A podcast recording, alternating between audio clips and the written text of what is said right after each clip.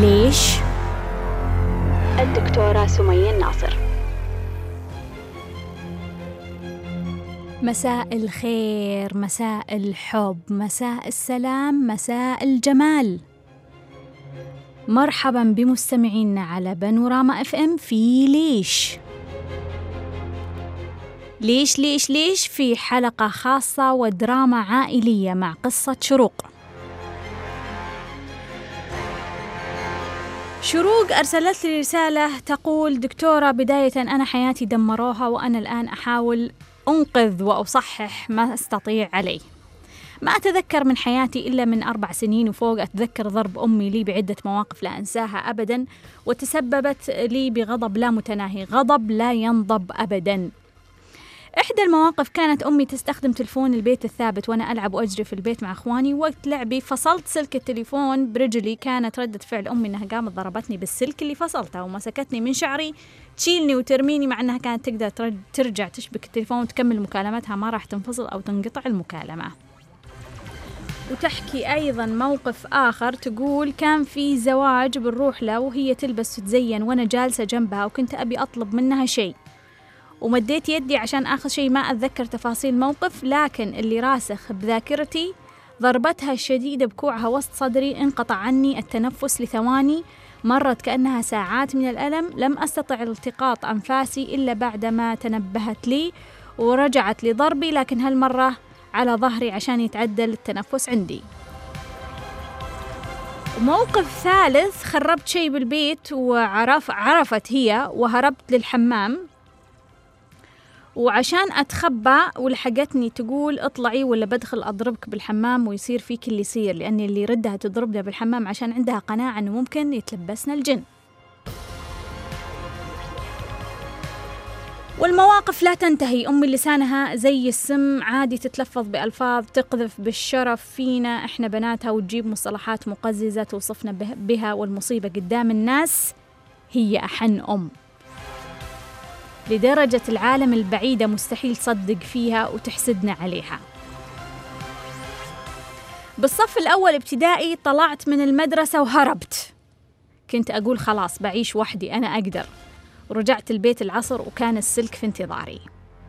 بالصف الثالث الابتدائي تعرضت للتحرش مرتين مرة بالشارع وأنا رايحة المدرسة ومرة من شخص قريب للعائلة. ما كنت أعرف اللي يصير وخليته خصوصا الشخص القريب من العائلة خلاني آه، أوقفه أني كنت أستشعر خوفه وقت التحرش. ووصل لي خوفه وخفت زيه. بعدها صرت ما أروح مكان ممكن أشوفه فيه. أنا كنت أعتقد أنها مواقف طفولية مرت وخلاص. لكن من عرفتك وتابعتك عرفت أنه في شيء موجود. بالصف السادس ابتدائي كانت معانا واحدة تكلم عيال وعلمتنا نسوي زيها وعلمتنا نكذب ونقول أعمار أكبر من عمرنا ونتكلم بصوت أكبر عشان ما ننكشف. مرت المرحلة المتوسطة بسلام خصوصا أول سنتين ولكن بآخر السنة الثالثة بدأت المجموعة اللي أنا معها واحدة منهم عندها علاقات. ومرة واحد من اللي تكلمة تركها وقالت لي تكفين كلميه يرجع أنا أحبه. وفعلا كلمته وهنا أمي عرفت. ومن بعدها صارت تمارس علي العنف النفسي بتفنن. بالثانوية دخلت بعلاقة مع شخص من جنسية عربية. استمريت فترة وانتهت برفض أهله للارتباط قبل يصل الموضوع لأهلي. وبعدها استمريت بعلاقات متداخلة وسطحية أتوسل من خلالها المشاعر الجيدة بدون فائدة. إلى أن تعرفت على شخص وحبيته وكنت أبغى أرتبط فيه. واستمرت العلاقة سنوات. مشاعري كانت جيدة جدا. أحببته جدا إلى أن العلاقة انتهت بسبب رفض أهله. واستمريت على هذا المنوال. كل علاقة تنتهي بسبب رفض أهل الطرف الآخر. كان هذا حالي من علاقة لأخرى أتسول الاهتمام والحنان والحب وأبحث عن طريق للهروب من عائلتي ولكن بدون أي نتيجة بالعكس حالتي النفسية من سيء إلى أسوأ.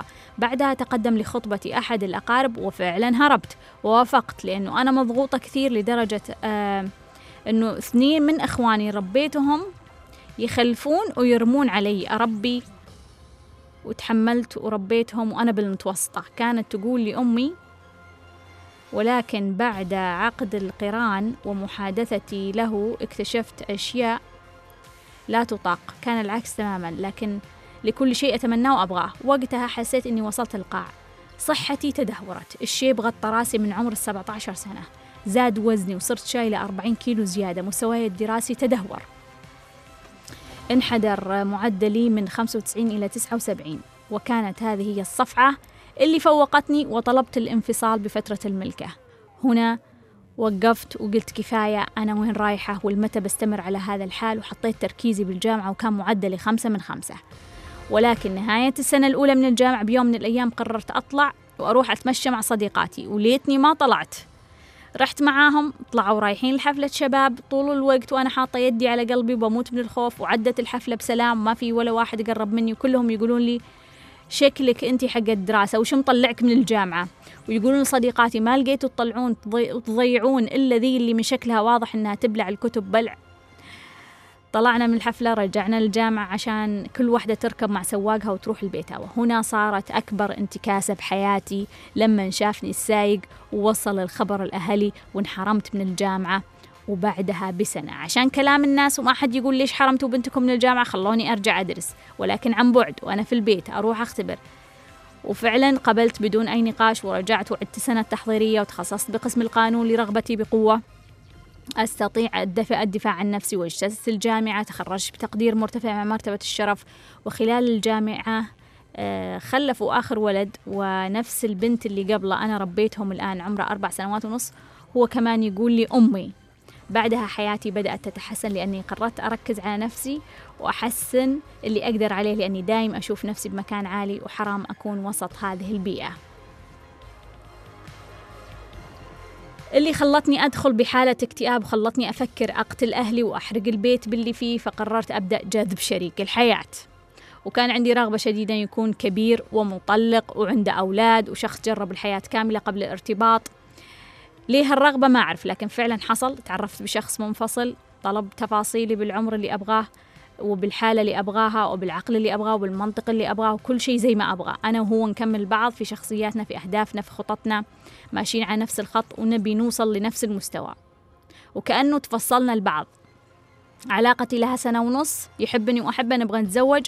أهله يباركون هذا الزواج ومتحمسين له وخواته مرة يحبوني ويبغوني لكن على خلاف أهلي يرفضون الآن. أهلي رافضين الأسباب اللي أنا جاذبة أساسا عليها وللصفات اللي أصلا أنا كاتبتها وأبغاها اللي هي كبير ومطلق وعنده أولاد ومن قبيلة ثانية وفي مدينة أخرى لأني أبغى أعيش بعيد عن أهلي. ما أبغاهم قريبين مني طفشت وتعبت منهم. وكنا نحكي عن شروق ومأساتها في الطفولة وكيف تعرضت لبعض الضغط والظروف العائلية. ووصلت إلى مرحلة تعرفت على شخص مناسب جدا لكن أهلها رافضين. وقام هو عدل من بعض الأسباب اللي رفضوا الأهل عشانها مثل نقل المدينة. وتم الاتفاق أنه بعد الزواج على طول بيسافرون خارج السعودية لأكمال الدراسة. اتفقوا أنهم على عيد الفطر راح يتقدم لها مرة ثانية عشان يحاولون في الأهل مرة ثانية. آه، وقررت إنها الآن بتاخذ موقف تقول أبغاه وهذه حياتي وبت يعني بتلزم أهلها بالموقف. لكن ظهرت طليقته ورجعت عشان تبغى تفركش هذه الزواجة. لما عرفت انه جاد في زواجة مني وثار غضبها لأنها كانت تتوقع إنه ما راح يتخطاها ودائما كانت تستكثر نفسها وجمالها عليه وتقول له إنها حرام عليه. المهم خلاصة الكلام إن الطليقة طلعت آه، سببت لها مشاكل رافضت هذا الزواج رفعت قضية كيدية الطليقة على هذا الرجل والآن هو محبوس في قضية قرابة آه، شهرين مدة الإجراءات. شروق تسأل تقول ليش يا دكتورة يصير معايا كل كذا؟ أنا غرقانة في ترسبات كثيرة. أعرف أني أحتاج تنظيف أحتاج أسوي لحياتي فورمات لكن أنا ضايعة ومو عارفة أمسك الطريق. أخذت معك قفزة 2019 طلع عندي هدفين ذهبيين الزواج وجسمي وصحتي لأني من عرفت هالشخص كل شيء في البداية تحسن. خسرت 33 كيلو من الأربعين اللي كنت شايلتهم. مستمرة في التحسن على صعيد جسمي ولما طلع لي من الأهداف الذهبية سجلت بنادي رياضي رجعت أكمل مشواري الصحي. بعدين جاني فتور بخصوص هدف الزواج قررت أستعد. حضرت يوتيوب محاضرات عن الزواج عن الرجل عن التربية عن الولادة. آه، نويت أخذ الباب الخلفي. آه، ونويت أشترك آه، لكن أشترك في دوراتك لكن ما عندي فلوس.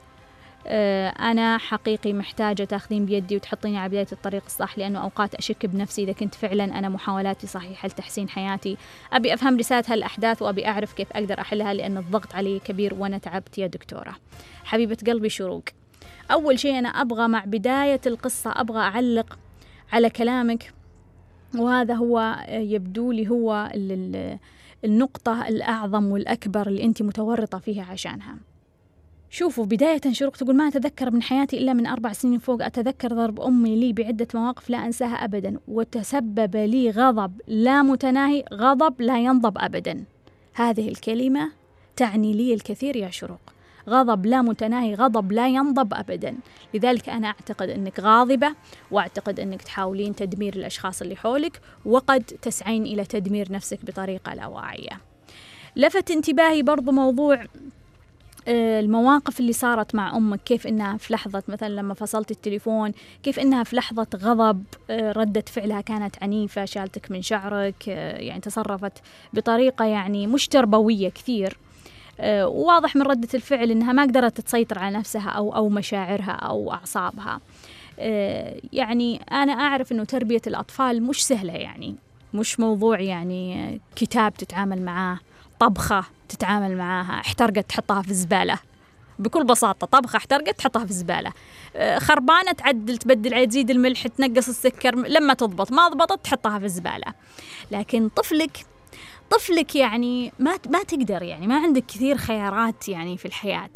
لذلك من المهم إنه الأمهات والآباء يكون عندهم قدر عالي ومشاعر جدا عالية من الاستعداد.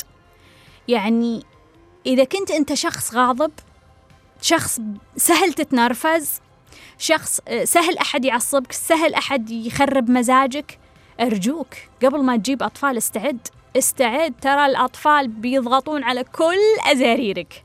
كل أزاريرك بيضغطون عليها الأطفال لأن تربيتهم مش سهلة.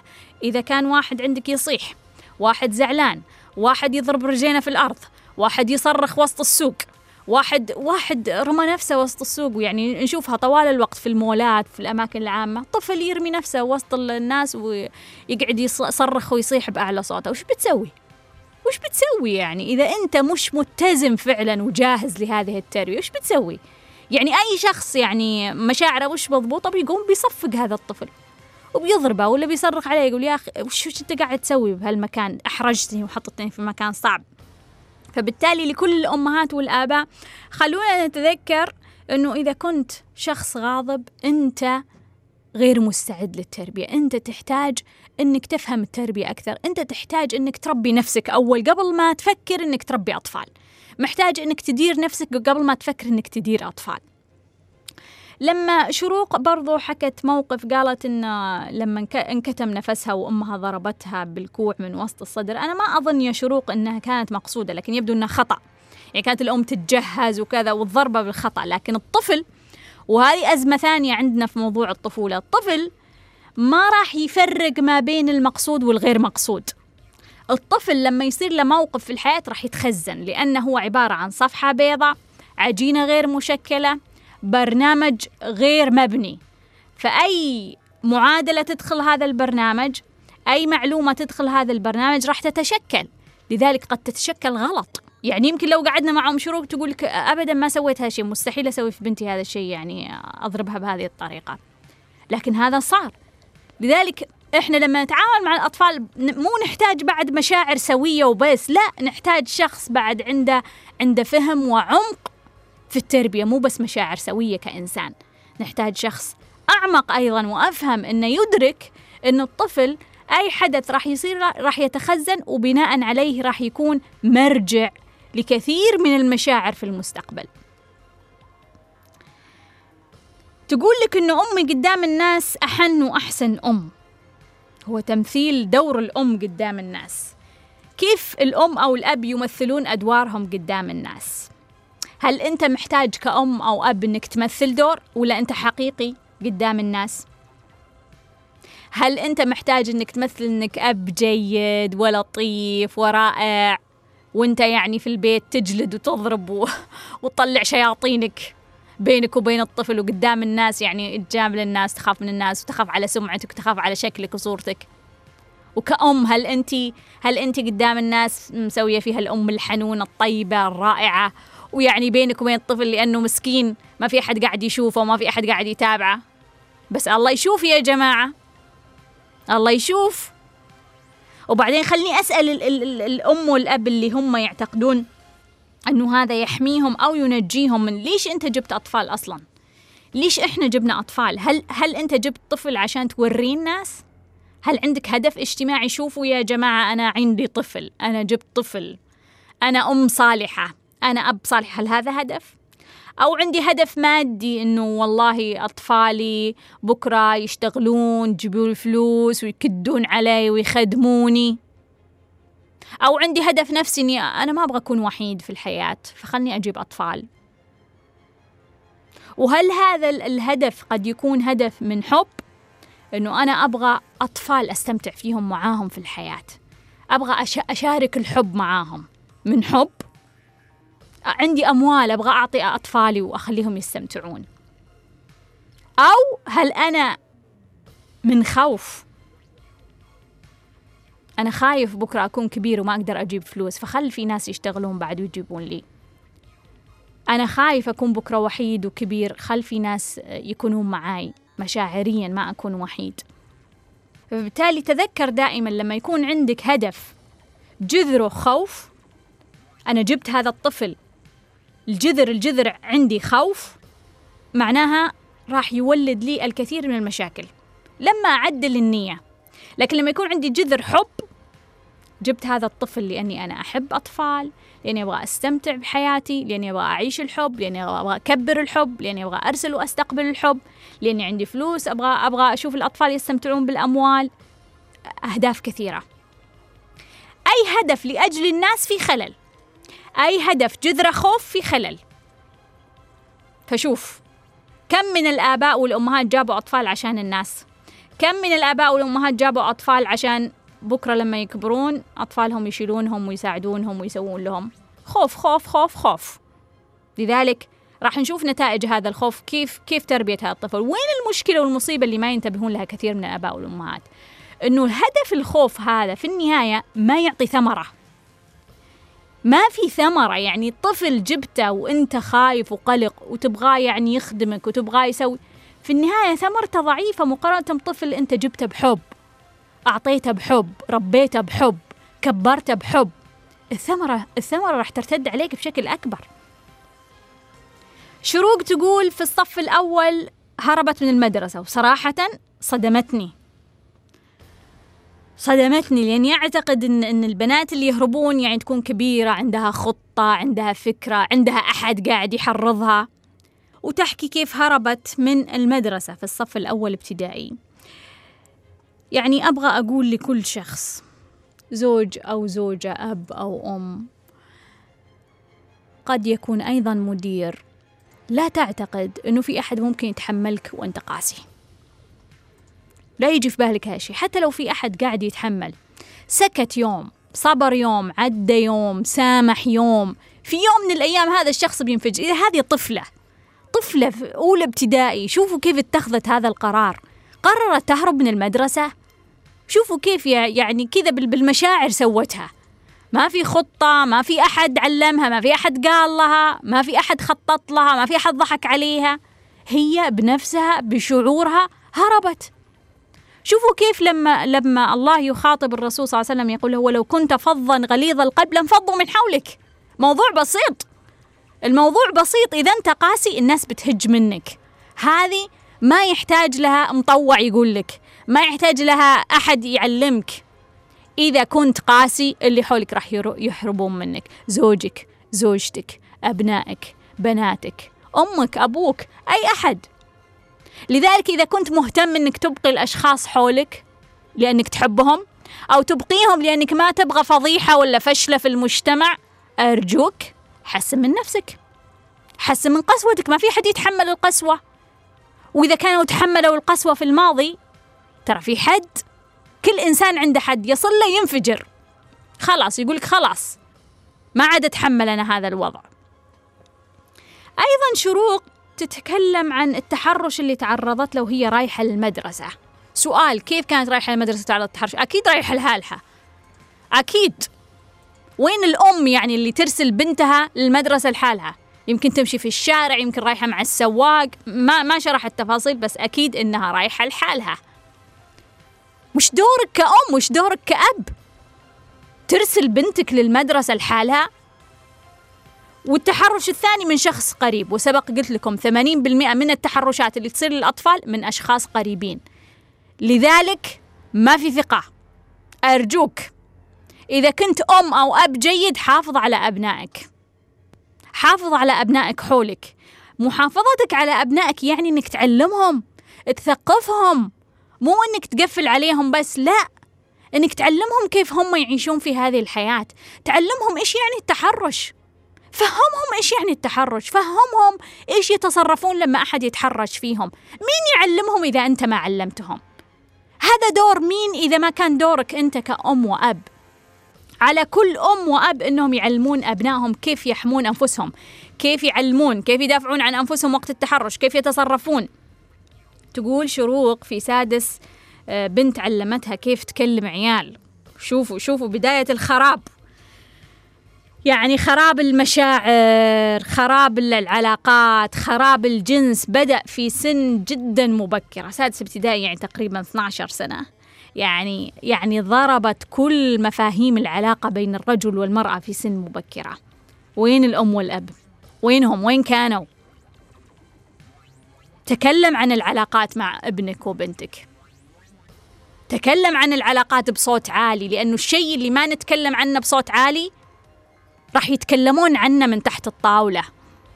لا تعتقد أنه أنت ما تتكلم عن الموضوع معناها مش موجود. لا موجود بس من وراك. لذلك نعتبر الأم الذكية والأب الذكي اللي يفتح موضوع العلاقات على الطاولة ويتكلم مع عياله وبناته على هذا الموضوع ينبههم ويعطيهم. مو بس يخلي هذا الموضوع كأنه مجهول. موضوع كذا يعني آه، في غموض وظلام. ما تدري كيف تتصرف لما بنت مجنونة في هذا العمر تجيها وتقول لها كلمة عيال وتروح هي بكل بساطة لأنها ما تثقفت في الموضوع. الأم اكتشفت أحد العلاقات وعنفتها. شوف كيف ردة الآباء ردة فعل الآباء والأمهات لما يكتشفون علاقة لأنهم طبعا من البداية ما عملوا تثقيف جيد. ما علموا أطفالهم وأبنائهم خصوصا قبل المراهقة بشوي. لا تنتظر لما تصير المصيبة قبل المراهقة بشوي أو فترة المراهقة. محتاج إن إحنا نكون واضحين نفتح الملفات. واحدة اتصلت فيني تقول تجيني بنتي تقول لي أحب واحد من الشارع تبغاه تتزوجه؟ لا طبعا لا ما راح أزوجها. طب إذا ما زوجتيها وش بيصير؟ إذا ما زوجتيها سؤال إذا ما زوجتيها وش بيصير؟ وش بيصير؟ تطلع معاه وتضيع؟ هذا هو الحل اللي عندك؟ هذه هي طريقة الحل؟ ليش إحنا يا جماعة عندنا عادات دائما نفرضها كأنها أهم وأفضل وأحسن قيما من الإسلام؟ ليش؟ ليش الرسول يقول لم نرى للمتحابين مثل النكاح؟ في اثنين يحبون بعض؟ أه اللهم زد وبارك يلا تزوجوا. صحح المسار. ليش إحنا لما لما يكون عندنا واحدة حبت واحد أوه عندنا مشكلة سكر الموضوع قفل الموضوع ممنوع الزواج ونعاقبهم ون ونخلي الموضوع معقد. نخلي الموضوع يعني يروح مشكلة أكبر. كيف أنت بتسيطر عليهم؟ كيف تضبطهم؟ الزواج هو الضابط. الزواج هو قرار الإسلام للمتحابين. كنا نتكلم على وضعها مع العائلة واللي وصلت لها الآن بعد ما أمها اكتشفت العلاقة. وبعدين آه، صار عندها علاقات متعددة مع عدد من الرجال. وهذا الغلط اللي تقع فيه كثير أو يقع فيه كثير من الشباب. لما يتورطون في علاقات في مرحلة المراهقة راح يتورطون في علاقات كثيرة كلها علاقات غير صحيحة أو بالأصح غير حقيقية وكلها خدع ورا خدع. وكانت تقول في كل مرة أهل الرجل كانوا يرفضون. أحب أقول لك ما في أحد رفض. أصلا أصلا هو ما طرح الموضوع على أهله. أصلا أصلا ما انطرح الموضوع على الأهل يعني. ما انطرح الموضوع على الأهل.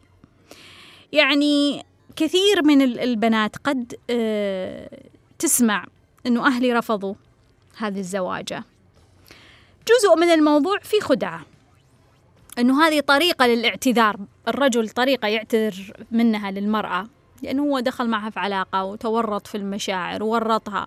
وبعدين يحس إنه صعب يعني ينهيها بطريقة يعني واضحة ويقول والله ما شفت إنه العلاقة لها مستقبل. ما يقدر.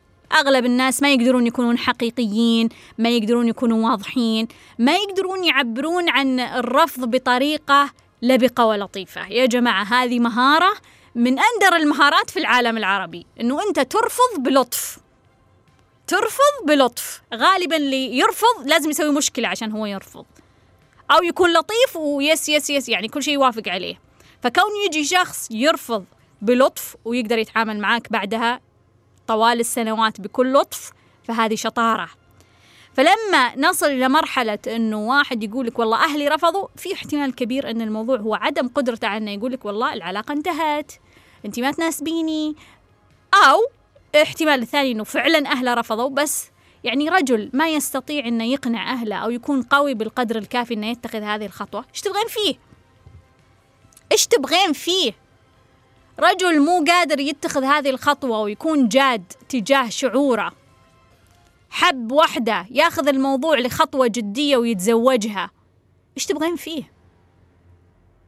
ولا هو بس يبغى يتلاعب بالمشاعر ويقضي وقت؟ ولما نجي وقت الزواج لا لا لا الموضوع يبغى له تفكير بطريقة أخرى مشاعر بطريقة أخرى نظارة ثانية أشاور أمي أشاور جدي أشاور القبيلة أشاور العائلة. أبغى أقول لكل بنت تحترم نفسها. ثلاث شهور خلي عندك اختبار كذا. شوفي وين وين هذا الرجل رايح. وين يبغى يروح؟ تسعة شهور ما تقدم قولي له مع السلامة. خلاص.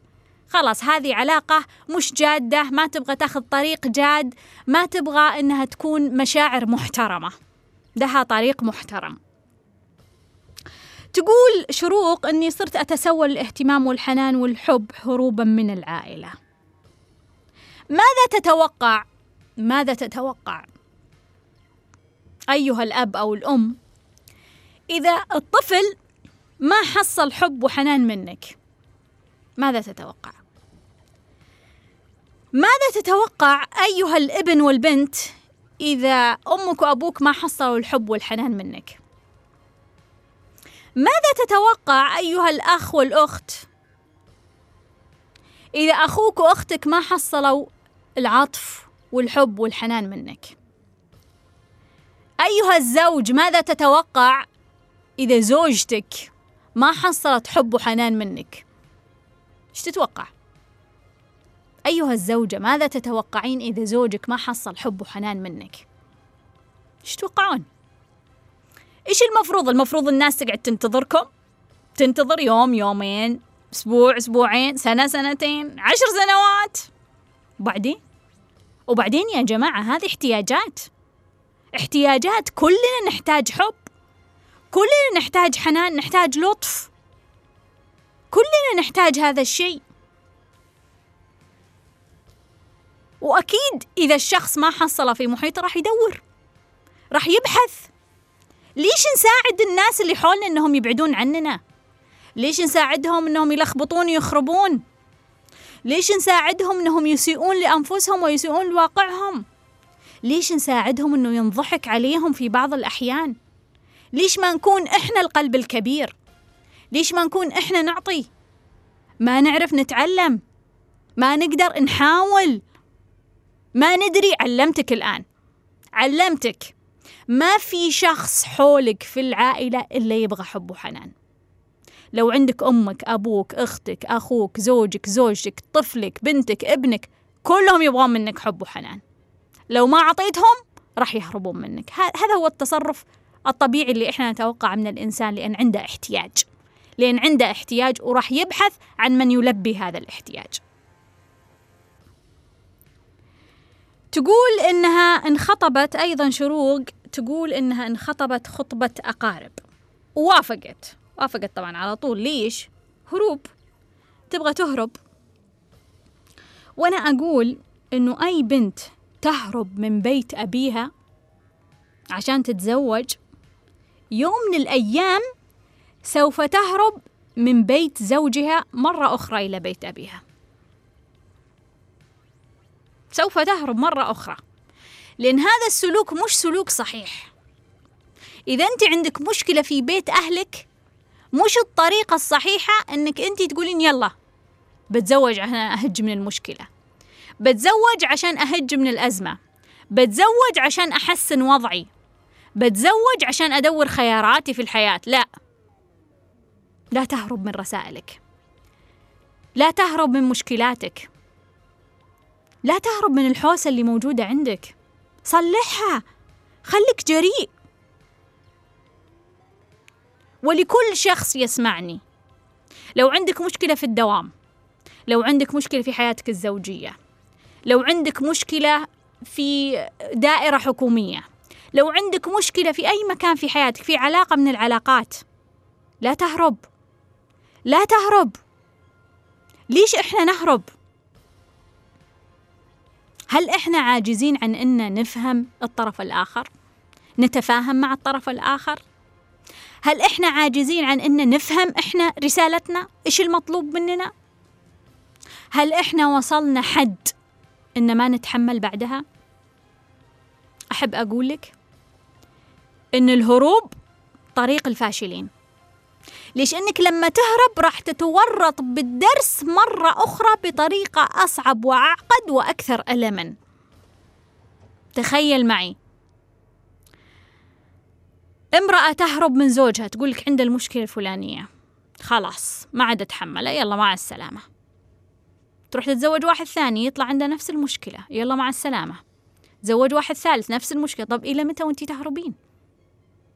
إلى متى وأنت تهربين؟ وستظل المشكلة تلاحقك لما تعترفين فيها وتحلينها وتفهمين رسالتها تقولين خلاص فهمت الموضوع أنا الآن أغير من نفسي أغير من الداخل هل لما أغير من الداخل راح يتغير دائما الطرف الآخر؟ هل لما أغير الداخل يعني على سبيل المثال شروق هل لما تتغير من الداخل أهلها راح يتغيرون؟ أمها راح تكون لطيفة وحنونة وأهلها راح يعبون احتياجاتها من الحب والحنان هل لما نتغير يعني مثلا واحد تقول زوجي مسوي مشاكل وخيانات وضرب هل لما أتغير هو بيتغير؟ هل لما أتغير رئيسي في العمل بيتغير؟ خلينا نقول في احتمال كبير نعم إنهم يتغيرون لكن في احتمال إنهم أيضا ما يتغيرون كونك أنت تغيرت فأنت فهمت الرسالة وانتهى دورك في هذا المكان أو دورك في هذه الدائرة أو دورك في هذا المضمار. كونك غيرتي من نفسك أكثر من مرة عشان تعدلين هذه الحياة الزوجية. كونك أنت غيرت من نفسك قلت والله ها يمكن يمكن أنا ما فهمت زوجتي خلني أغير من نفسي. يمكن أنا غلطان. خلني أنا أعدل من نفسي. يمكن أنا شوية قاسي خلني اعطيه حب وحنان أكثر. لكن زوجتي زي ما هي ما تغيرت. معناها أنا فهمت الرسالة. غيرت من نفسي طورت من نفسي قد يتغير الخارج. وإذا ما تغير معناها أنا انتهى دوري في هذه الدائرة. انتهت مسؤولياتي تجاه هذه الدائرة. معناها أنا أستطيع أني أنتقل لمكان آخر. بالضرورة راح يكون أفضل أجمل أحسن أكثر تطورا من المكان اللي أنا كنت فيه. كأن في صف كأن في صف نجحنا وانتقلنا لمستوى ثاني. فأما المدير بيجي يقول لك تعال تفضل أنت انتقلت للمستوى الثاني أو أنت خلاص تعرف أنك نجحت وتشيل شنطتك وتنتقل للمستوى الثاني. شروق تقول معدل الدراسي كان خمسة وتسعين ووصلت لتسعة وسبعين. وصحتي تدهورت وجاني الشيب وعمري سبعة عشر سنة ووزني زاد أربعين كيلو تقول أنا ضربت للقاع ما هو قاعك؟ ما هو قاعك؟ ما هي اللحظة اللي راح تصل فيها تقول يكفي ألم ما هي اللحظة اللي راح تصل لها تقول ستوب خلاص. يكفي مجاملات. خلاص أنا عطيت بما يكفي. خلاص أنا قدمت ما يكفي. خلاص أنا ماشي في الطريق الغلط. ومعاناتها مع أهلها وما وصلت له اليوم في موضوع العلاقات. وصلت للقاع. لما تدهورت صحتها صار عندها شيب. أربعين كيلو وزن زائد. ما هي مؤشرات التدهور بالنسبة لك؟ أنت لما تضرب القاع القاع قد تكون لحظة. قد تكون لحظة. يعني لحظة كذا خلاص أنت كأنك ضغطت زر هذا هو القاع. قد تكون أكثر من لحظة. يعني مثلا نقول دقائق ساعات. لكن هناك مؤشرات قبل هذه اللحظة. هناك مؤشرات قبل القاع تقول إنه أنت رايح للقاع. يعني تدهور الصحة من أبرز المؤشرات إنه أنت رايح للقاع. زيادة الوزن من أبرز المؤشرات اللي تقول إنه أنت رايح للقاع. لأنه زيادة الوزن تدل على لخبطة في المشاعر. مشاعر متطرفة تدل إنه أنت رايح للقاع. يعني اكتئاب حزن شديد خوف شديد غضب شديد تدل إنه أنت متجه للقاع وبسرعة. متجه وبسرعة بتخبط قريب بتخبط خسارات مثلا خسارات مالية خسارات جسدية خسارات أشخاص تدل إنه أنت مدحدر إنه أنت رايح رايح للقاع. لذلك أنا دائما أقول تعلم بحب. افهم درسك بحب. تغير بحب لا تتغير بألم. لا تنتظر تخبط للقاع. لا تنتظر. ما دام عندك مؤشر واحد إنه أنت دحدرت شوي تلخبطت مشاعرك خلاص اعتبرها إشارة وش نعدل إيش نبدل إيش نغير ما هي الرسالة. زاد وزنك شوي إيش نعدل إيش نبدل ما هي صحتك تلخبطت إيش نعدل إيش نبدل ما هي الرسالة. خسرت شيء خسرت أشخاص خسرت آه، إيش نعدل إيش نبدل إيش القصة إيش اللي قاعد يصير؟ ليش أحتاج أضرب القاع بعدين أقول إيش اللي قاعد يصير؟ لا لا أنا ماشي غلط. لابد أن أستيقظ. ليش؟ ليش ما أستيقظ قبل القاع؟ ليش ما أنتبه قبل القاع؟ ليش ما أنتبه للمؤشرات؟ طوال الوقت في مؤشرات تعطيني إنه أنا متدهور إنه أنا رايح للقاع. أرجوك انتبه. أرجوك إذا جتك أحد هذه المؤشرات أنت رايح للقاع قد يكون القاع بكرة قد يكون بعد عشرين سنة. وعلى طول سيرك للقاع على طول الألم. تقول شروق صار لها موقف طلعت مع البنات الجامعة عشان تحضر حفلة شباب. يعني يعني ضياع ضياع في ضياع في ضياع يعني طالعة من طالعين من الجامعة يحضرون حفلة. طبعا أكيد يعني كلهم الموضوع سري وطالعين من الجامعة يعني يعني أتساءل وين احترامك لنفسك كفتاة إنك تسوين هذا الشيء ليش؟ ليش؟ لأنه التوقيت التو... يعني حتى الشاب اللي يشوفك عارف إنك أنت هاجة من الجامعة يعني هو عارف أنت عارفة آه كيف كيف كيف شعورك تجاه نظرة هذا الشاب لك؟ تجاه يعني نظرة لرخصك. انت تاركة هدفك تاركة هدف عشان واحد من الشباب. رخص. رخص يا جماعة رخص. لما يكون الشاب أو البنت أهم من حياتك.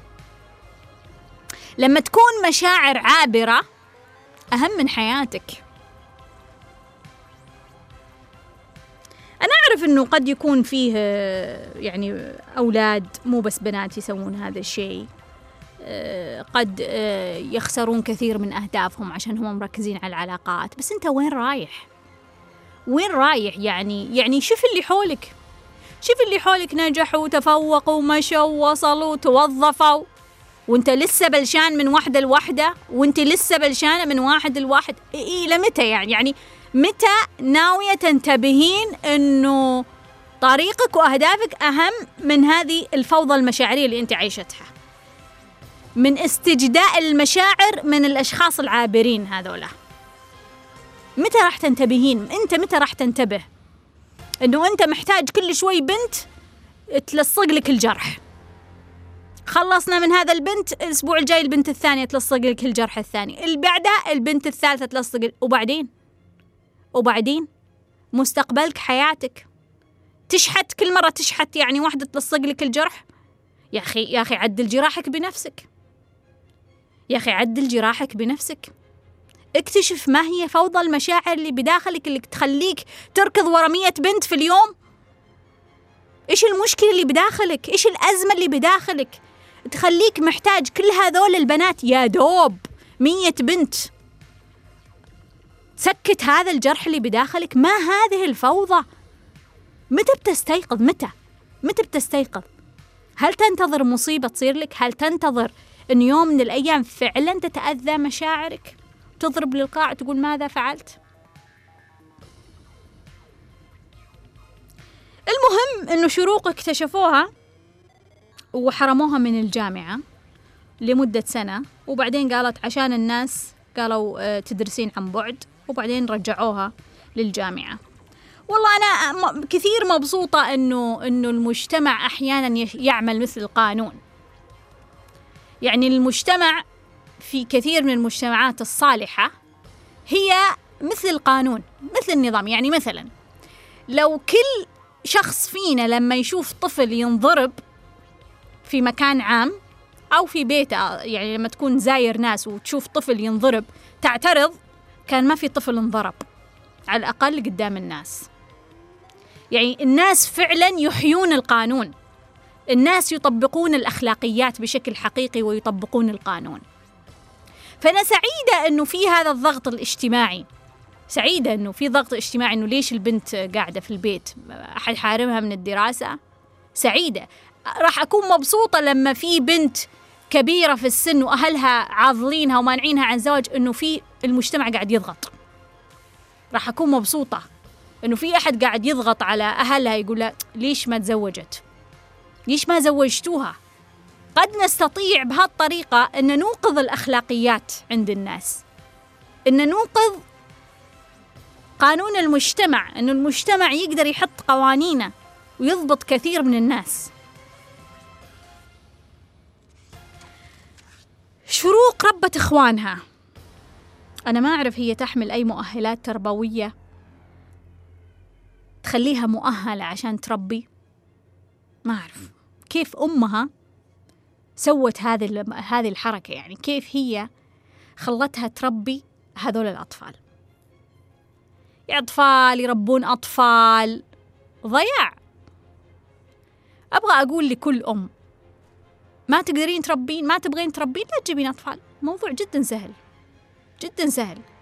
أما أنك تجيبين أطفال وبعدين تطلبين من واحد من أطفالك أنه يربي الأطفال فهذه إساءة فوق الإساءة صراحة.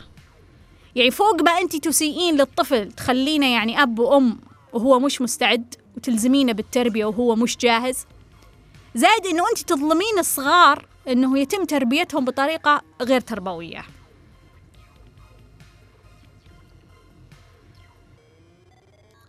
تقول أيضا شروق أنه وجدت شخص في علاقة متناسبة بالمنطق وبالعقل وصار لهم سنة ونص هم يحاولون يتزوجون وأهله موافقين ومتقبلينها ومرحبين فيها.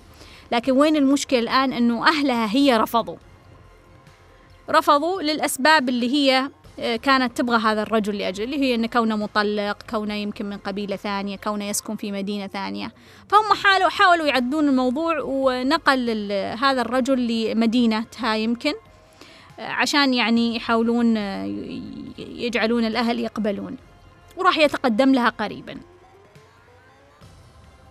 لكن اللي خرب الصورة واللي خرب الموضوع الطليقة ظهرت في الصورة ورفعت قضية عليه وهو محبوس الآن.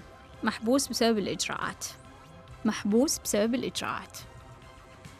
أنا ما أعرف يا شروق إذا في أحد ينحبس يعني بدون بدون سبب. في أحد ينحبس وهو يعني ما سوى شيء. أو ما عليه أدلة يعني ممسوكة ضده. انتي تشوفين الطليقة إنها غيرانة وإنها ما تبغى يتزوج وإنه مش بالضرورة مش بالضرورة غير نظارتك يعني يمكن يمكن الطليقة فعلا تضررت وتبغى تاخذ حقها يمكن الطليقة يعني فعلا غيرانة بس بس في خيارات أخرى يعني لا يعني حبك لهذا الرجل ونظرتك المثالية لهذا الرجل أنك ما تنتبهين لهذا الحدث ولا تتساءلين عن هذا الحدث أكيد أنت عارفة تفاصيل القضية لكن هل سمعتيها من أكثر من طرف؟ مين قاعد يحكي لك عن القضية غير هذا الرجل؟ هل سمعتيها من طرف الطليقة؟ يمكن تكون صادقة. يمكن هي تعرضت لأذى منه يمكن هي بتاخذ حقها. ما هو موقفك لو كان هذا الرجل فعلا شرير وعنده كل هالمشاكل وأنت فاهمة الدنيا كلها غلط وجدك الرسالة. ما هو موقفك؟ لذلك أنا أنا أدعوك للتوازن يا شروق. أنا أدعوك للتوازن. أنا سعيدة أنه أنت استيقظتي وانتبهتي لكن أدعوك للتوازن. والتوازن قد يعني أنه أنت تحاولين تبحثين عن الموضوع وتفهمين القصة من طريق آخر. هذه نقطة مهمة. الشيء الثاني إذا طول الموضوع أعتقد أنه أنت لازم تنسحبين. شروق تقول خسرت 33 كيلو بعد العلاقة. نعم لأنه إحنا نخسر الوزن لما نشعر بالأمان. ونكسب وزن لما نخاف ونرتبك ويكون عندنا فوضى من المشاعر. تقول عندي أهداف ل 2019 إني أتزوج وصحة وجسم أعتقد هذه الأهداف شوية قاصرة. يا شروق أرجوك حطي هدف. حطي هدف لأني ما ماني شايفة يعني لو تكركب موضوع الزواج راح تتأثرين. أحتاج هدف يكون عندك فيه حب يكون عندك شغف متجه لهذا الهدف يكون عندك شيء أنت مشغولة فيه. أنت مو مشغولة بشيء أنت مو مشغولة بهذا الرجل.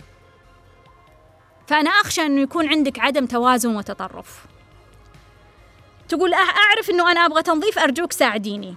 خليني أقول لك أول شيء على سؤالك ليش يصير لي كذا؟ يصير لك كذا لأن عندك فوضى مشاعر وغضب ما زال ممتد من الطفولة. تقول أنا ما عندي فلوس عشان أنا أحسن من نفسي وأغير من نفسي؟ التغيير لا يحتاج إلى أموال. عندك اليوتيوب كامل كله مجاني.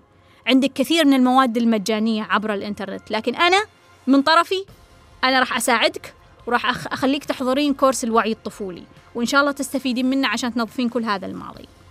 بالنسبة لهذا الرجل بعد ثلاث شهور إذا استمر في السجن أو محبوس أرجوك شككي في الموضوع أرجوك حطي خطوة على ورا شوية وافتحي خياراتك للحياة. آخر شيء أنا أبغى أقول لك عليه لازم يكون عندك هدف آخر غير الزواج يا شروق. والسبب أنه عندك كثير من المشاعر الغير مستخدمة. فأنت ما ما مو قاعدة تستخدمينها إلا لهذا الرجل لما تخسرينه راح تتدمرين. لذلك أنا ما أبغاك توصلين لهذه المرحلة. أنا أبغى وعلى كل إنسان يسمعني ينتبه لهذه النقطة. أنا أبغى مشاعر الحب تجيك من مئات الأشياء في حياتك. لما تخسر شيء أو شخص أو مكان أو مكانة ما تتأثر.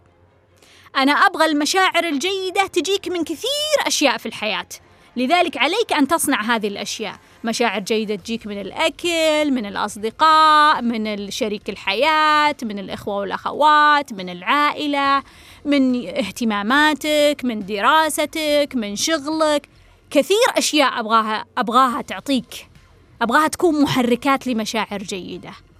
عشان لما تفقد واحد أنت تكون صلب. تكون فعلا قوي. ما في شيء يسقطك. ما في شيء يضيعك.